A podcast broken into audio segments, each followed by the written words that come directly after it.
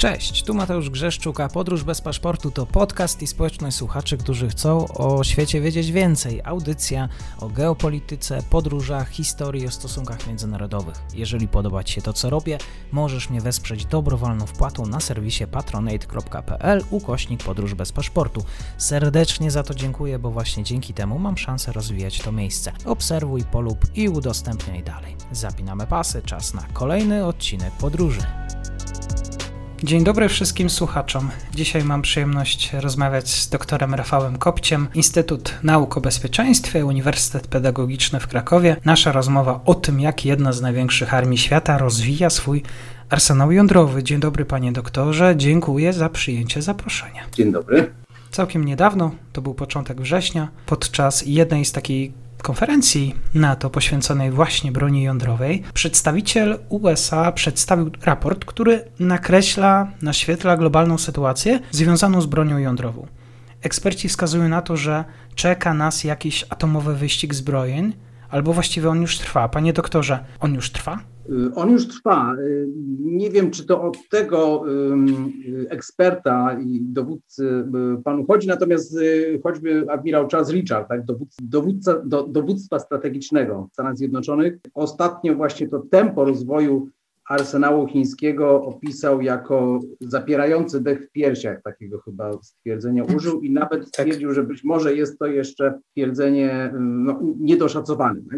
Na początku tego roku, jeszcze w jednej z wcześniejszych wypowiedzi, szacował, że te chińskie chiński arsenał nuklearny w następnej dekadzie co najmniej się podwoi, a być może się, być może nawet ten arsenał wzrośnie trzy lub czterokrotnie. Także na pewno mhm. mamy do czynienia z zasadniczą zmianą do chińskiego podejścia do e, broni nuklearnej, gdyż e, to chińskie odstraszanie nuklearne dotychczas raczej opierało się na, takiej, e, na takim swoistym swoistym minimalizmie, tak jak Chińczycy, mhm. może tu taki, taki ogólny, ogólny obraz tego, tego chińskiego potencjału nuklearnego. Chiny są mocarstwem nuklearnym od roku 1964 i są jednym z pięciu tak zwanych oficjalnych państw nuklearnych według y, traktatu o nieproliferacji broni mm, nuklearnej, oprócz oczywiście Stanów Zjednoczonych, Rosji, wcześniej Związku Radzieckiego, Francji, Chin. Pozostałe państwa nuklearne mają tą broń nuklearną poza reżimem tego, tego traktatu. I przez długi czas ten chiński arsenał nuklearny utrzymywał się na stosunkowo niskim poziomie. On był szacowany na 200, 200 kilkadziesiąt głowic. Y, Chińczycy tu nigdy nie podawali i dalej nie podają y, dokładnych danych, y, ani liczbowych, ani, ani, ani też takich informacji na temat technicznych, tak, na temat jakościowych dotyczących swojego arsenału nuklearnego, czyli to jest znacznie mniej niż Stany Zjednoczone, znacznie mniej niż Rosja czy wcześniej Związek Radziecki, mhm. nieco mniej niż Francja, podobnie jak Wielka Brytania. Także ten, ten, ten arsenał był, był stosunkowo mm, stosunkowo nieduży i też środki przenoszenia przez długi czas były no, zdecydowanie mniej zaawansowane niż, niż to w przypadku tych, tych czołowych mocarstw, czy też nawet mocarstw nuklearnych europejskich, no, z powodu jakby oczywistego zapóźnienia technicznego. tu można podzielić ten okres chińskiego odstraszania na, na, na takie odstraszanie powiedzmy symboliczne, gdzieś mniej więcej do, do lat 80. Tak? Czyli mamy broń nuklearną, ale ten realny potencjał środków przenoszenia jest, jest y, niewielki. Od lat 80. mniej więcej do czasów obecnych można powiedzieć, że, że mamy takie odstraszanie oparte na niejasności, tak to można mhm. określić, mhm. czyli oparte przede wszystkim na tym, że Chińczycy ujawniają bardzo niewiele informacji na temat i ilości, i jakości tego arsenału, więc przeciwnikowi trudno jest y, cokolwiek oszacować. Natomiast teraz wydaje się, że mamy zmianę kierunku w stronę odstraszania takiego klasycznego, opartego na komunikowaniu wiarygodności potencjalnym przeciwnikom, tak? Czyli tu podkreślamy, że ten nasz arsenał jest y, na tyle y, i liczny, i zaawansowany pod względem tak zwanej przeżywalności, że on jest w stanie w przypadku ataku nieprzyjaciela, ataku y, nuklearnego, Chińczycy są w stanie ten atak przetrzymać i odpowiedzieć tak, swoją własną bronią nuklearną. Tak jakby na tym polega ta wiarygodność. Pan doktor e, wspomniał e, o tej dacie 1964 rok. Jeżeli dobrze pamiętam, e, to jest też czas konfliktu pomiędzy ZSRR a Chińską Republiką Ludową. Czy to miało właśnie też coś wspólnego z tym chińskim planem zbrojeń nuklearnych? Tak, no tu ten chiński program jeszcze wcześniej był realizowany tak przy asyście y, Związku Radzieckiego, przy, przy asyście technicznej. Przez, przez, przez krótki czas to był w ogóle taki, taki y, ogólny program rozwoju broni nuklearnej, środków przenoszenia y, potencjału kosmicznego, tak, czyli rakiet nośnych służących do, do wynoszenia i, i satelitów, to akurat w tym przypadku ten program postępował dosyć, dosyć długo. Natomiast rzeczywiście to był jeden z elementów tego, tej schizmy w ruchu robotniczym, tak to można określić, i potem rywalizacji w przodownictwo w obozie socjalistycznym, tak, pomiędzy, pomiędzy Związkiem Radzieckim a, a Chinami. Tu, tu, jako ciekawostkę można, można dodać, jako ciekawostkę z tego, z tego okresu, że Chińczycy mieli takie dosyć bezkompromisowe podejście do choćby testowania tej broni nuklearnej, czyli w roku 1966, tak niedługo po, po tej pierwszej y, próbie y, jądrowej miał miejsce taki test, y, no niezwykły można powiedzieć, czyli test rakiety DF-2A, właśnie rakiety balistycznej rodzimej konstrukcji przystosowanej do przenoszenia głowicy nuklearnej i ten test polegał na tym, że ta rakieta została wystrzelona w konfiguracji bojowej, tak, czyli z uzbrojoną głowicą nuklearną i po pokonaniu dystansu około 900 kilometrów ona eksplodowała na poligonie Lob Nord, to była eksplozja nuklearna. Tak? Ten taki niezwykły realizm tego, tego testu obrazował, no, wydaje się, że chińską pogardę tak, dla niebezpieczeństwa wypadku, tak, o skutkach przerażających wręcz. W innych krajach, czy to w Stanach Zjednoczonych, w Związku Radzieckim, czy, czy w innych krajach, osobno testuje się i zawsze się testowało osobno rakiety, tak, wyposażone w makiety głowic i same głowice nuklearne poddawane y, osobnym próbom już od dłuższego czasu, już tylko i wyłącznie próbom podziemnym w ramach y, y, testów statycznych. Także to też obrazuje takie, takie bezkompromisowe podejście mhm. Chińczyków do, do tej kwestii broni nuklearnej. Oczywiście to też dodawało, dodawało im wiarygodności w sytuacji, kiedy same możliwości były stosunkowo niewielkie, tak? Bo kiedy mówimy o odstraszaniu, no to, to mówimy o dwóch czynnikach, czyli po pierwsze o y, możliwościach, a po drugie o woli politycznej, żeby te możliwości użyć w takiej sytuacji skrajnej. Tego typu, tego typu testy dodawały wiarygodności tej chińskiej, chińskiej determinacji, że jeśli taka potrzeba wystąpi, tak, bo to mówimy o zagrożeniu egzystencji państwa i społeczeństwa, no to Chińczycy się nie cofną. To jest takie niesamowite, bo jeszcze swego czasu Mao Tse-tung krytykował radziecką politykę. Tutaj miał ten, jak pan doktor wspomniał, ten spór. On też miał konsekwencje w dziedzinie zbrojeń atomowych. Moskwa wypowiada umowę, a właściwie ta chińska droga bez atomu nie byłaby możliwa w latach 60. właśnie bez e, Rosji. Wtedy zastanawiano się, czy ten konflikt pomiędzy tymi kolosami komunistycznymi wybuchnie. I był też jeden ważny aktor USA, który przyglądał się temu wszystkiemu, czy Waszyngton przypatrywał się akurat Pekinowi Putinowi i chińskiej drodze do atomu? Na początku przyglądano się no, z ogromnym niepokojem. Nawet y, nie, nie, nie, ma wiele informacji na ten temat, natomiast y, y, były rozważane takie pomysły, mówiono o tym uduszenie dziecka w kołysce, tak? To ktoś eufemistycznie określił, czyli zdławienie tego chińskiego programu nuklearnego, no, dopóki, zanim on przyniesie już konkretne efekty. Natomiast Jedyne, można by było to zrobić tylko za pomocą uderzenia o charakterze, o charakterze zbrojnym i to byłoby no, otwarcie kolejnego, kolejnego frontu zimnej wojny i na to rozwiązanie się nie zdecydowano. Nie wydaje mi się, żeby on był bardzo poważnie rozważany, natomiast takie pomysły się pojawiły. No oczywiście wszystko się zmieniło w kolejnych latach, kiedy okazało się, że w wyniku tych przetasowań tak, w obozie socjalistycznym Chiny stały się przede wszystkim rywalem Związku Radzieckiego, a nie sojusznikiem. Też ten upływ czasu był, był dosyć duży, bo to dopiero lata 70., w zasadzie końcówka lat 70., kiedy te relacje oficjalne amerykańsko chińskie zostały, zostały nawiązane. Tu oczywiście nie można mówić o żadnym sojuszu wojskowym, ale pewne, pewne relacje skierowane jakby oczywiście przeciwko Związkowi Radzieckiemu, czyli to, to podejście do Chin się zmieniło tu w tamtym okresie, tak, w latach 70., w latach 80., później przede wszystkim Stany Zjednoczone widziały w Chinach rywala Związku Radzieckiego, tak, Związek Radziecki był tym, był tym głównym rywalem, a tu Chińczycy mogli być e, w tym kontekście pomocni jako, jako inny rywal Związku Radzieckiego. Kiedyś Sowieci, teraz AUKUS, może Stany Zjednoczone. Dlaczego Chiny właściwie zbroją się pod tym kątem? W kontekście broni nuklearnej oczywiście, tu mówimy o takim wymiarze no, zdecydowanie globalnym. Dlaczego o tym mówimy? Dlaczego ten temat jest teraz aktualny? Przede wszystkim w ostatnim okresie miało miejsce, miało miejsce kilka, kilka wydarzeń związanych z odkryciem no, takich znaczących inwestycji, które, które Chińczycy poczynili w związku z rozbudową swojego arsenału nuklearnego. Na początku w czerwcu tego roku na podstawie komercyjnych zdjęć satelitarnych analitycy z James Martin Center for Non-Proliferation Studies odkryli, że Chińczycy budują pole nuklearne z ponad 100 silosami, tak zidentyfikowano 119 silosów, z których mogą być wystrzeliwane międzykontynentalne pociski balistyczne koło miasta Yumen w północnych Chinach. Następnie w lipcu, tak, czyli miesiąc później odkryto drugie pole e, koło Hami w Xinjiangu na, na, na zachodzie Chin, około 380 kilometrów na północny zachód od tego pierwszego pola. Ono ma mniejszy stopień zaawansowania, natomiast tempo e, rozbudowy jest szybkie i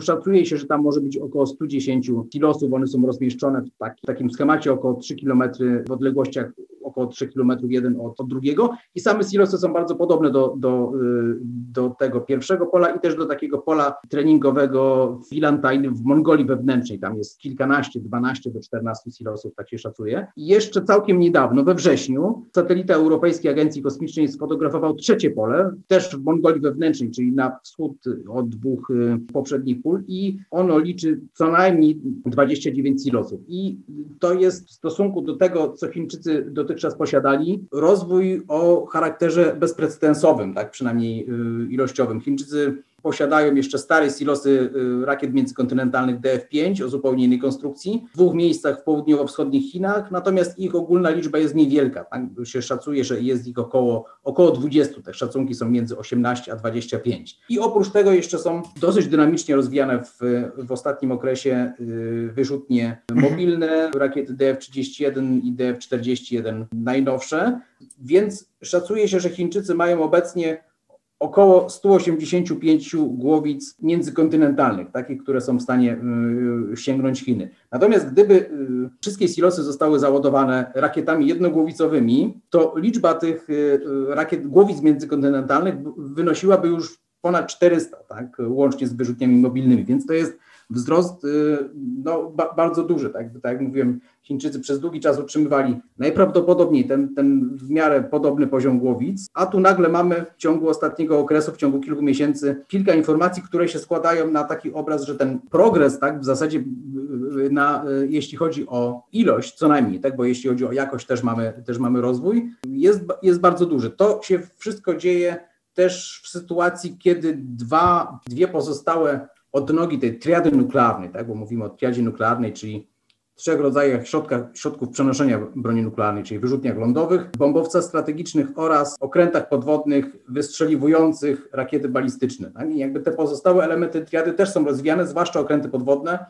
Tu już y, mamy mm, najprawdopodobniej sześć okrętów podwodnych typu 094. Najprawdopodobniej w budowie są kolejny typ już zdecydowanie nowszych y, okrętów typu typu 0,96, które najprawdopodobniej będą dużo większe, zdolne do długotrwałych patroli na, na Pacyfiku czy na Oceanie Indyjskim, bo dotychczas te okręty y, dotychczasowych typów patrolują przeważnie na Morzu Żółtym. Ostatnio zaobserwowano je też na, na, na Morzu Południowochińskim. Także ten, ten potencjał tu ilościowy i jakościowy rośnie bardzo szybko, w, w szybkim tempie i to jest taki wzrost y, skokowy. I do tego jeszcze należy zwrócić uwagę, że on się koncentruje przede wszystkim na, na tych środkach o charakterze strategicznym, czyli na wyrzutniach rakiet, które najprawdopodobniej będą mogły być właśnie załadowane, tak, bo to też są szacunki, tymi rakietami DF-41 o, o zasięgu międzykontynentalnym, czyli takim, które, które mogą dosięgnąć Stanów Zjednoczonych. Więc to jest rywalizacja na poziomie globalnym, tak? To już nie jest rywalizacja na przykład chińsko-indyjska, tak? Na poziomie, mm, na poziomie regionalnym. Ona oczywiście też gdzieś się odbywa, natomiast tu Chiny, przynajmniej pod względem broni nuklearnej, ale też pod innymi względami i militarnymi i, i innymi no, jak na razie Indie y, dystansują zdecydowanie. Tu pod kątem samej broni nuklearnej oczywiście też tak Australia czy, czy inny sojusz tak, państw zachodnich nie jest, nie jest żadnym przeciwnikiem. To jest oczywiście, jeśli mówimy o tej stronie militarnej, tak, czysto militarnej, rozważamy to, to zagadnienie od strony czysto militarnej, to oczywiście przeciwnikiem są zdecydowanie tylko i wyłącznie Stany Zjednoczone. Ten arsenał jest wymierzony w Stany Zjednoczone. No możemy się zastanawiać, tak, na ile to jest kwestia czysto militarna, a na ile inne uwarunkowania o charakterze takim też prestiżowym, tak, polityczno-prestiżowym wchodzą, wchodzą w grę.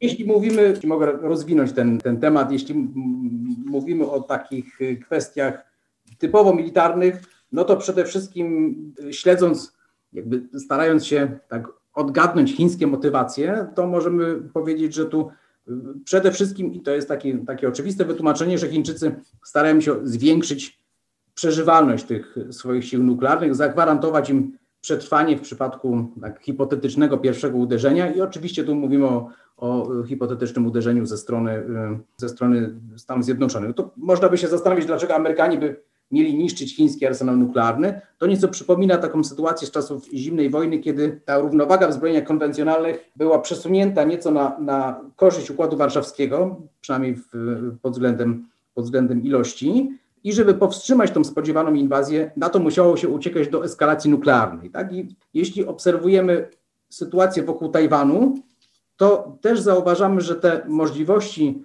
obrony Tajwanu, tak, jeśli Amerykanie zdecydowaliby się bronić Tajwan, przy pomocy broni konwencjonalnej w obliczu rosnącej potęgi konwencjonalnej, tu już armii chińskiej, no, stają się coraz bardziej ograniczone. I być może mhm. będzie to warunkowało pójście Stanów Zjednoczonych w kierunku, czy nie mówię użycia broni nuklearnej, ale tej eskalacji nuklearnej. I tu w tym przypadku to jeśli ta przeżywalność chińskich y, wojsk nuklearnych y, się zwiększy, no to w przypadku kryzysu oczywiście zwiększa się, y, zwiększa się pewność siebie Chin. No, można by się zastanowić w ogóle, jak ta niekontrolowana eskalacja nuklearna, tak, bo eskalacja w przypadku broni nuklearnej zawsze grozi tym wymknięciem się spod kontroli, ma się do chińskiej tradycji militarnej, podkreślającej właśnie tą wojnę ograniczoną właśnie w czasie, w przestrzeni, w stopniu eskalacji. Jeśli się przyglądniemy do ostatniemu konfliktowi zbrojnemu, w którym chińska armia brała udział, czyli wojnie z Wietnamem w 1979 roku, no to jest to idealny przykład takiej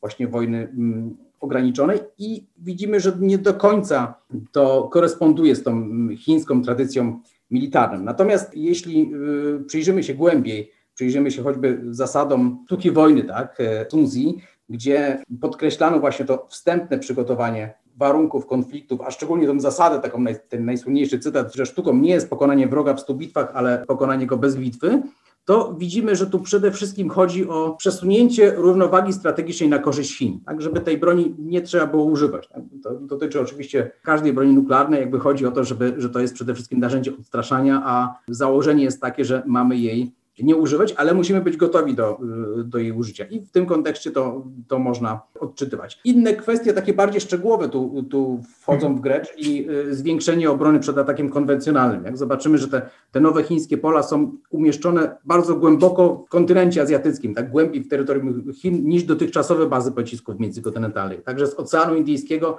tam jest około 2,5 tysiąca kilometrów, w Pacyfiku jeszcze dalej zwiększenie zdolności przełamywania obrony przeciwbalistycznej, którą Amerykanie dosyć y, dynamicznie rozwijają. Jeszcze jedna taka kwestia dosyć techniczna, tak, czyli zwiększenie gotowości. Te nowe rakiety to są rakiety na, poli, na paliwo stałe. Tu akurat eksperci amerykańscy zastanawiają się, czy Chińczycy nie będą chcieli przejść na taką, taką zasadę którą oni sami określają jako launch on warning, tak? czyli taki schemat odpalania tych pocisków balistycznych z głowicami nuklearnymi, tak w przypadku wybuchu wojny nuklearnej, który zakłada wystrzelenie własnych rakiet po otrzymaniu ze środków technicznych informacji o ataku nieprzyjaciela, zanim jeszcze te głowice nieprzyjaciela spadną tak na nasze cele. I oczywiście jest to zasada, która wymaga no, ogromnego wyrafinowania systemu dowodzenia i kontroli, tak, command and control, to co Amerykanie mówią, tak, tak, tak to określają, ogromnego wyrafinowania i pewności w funkcjonowaniu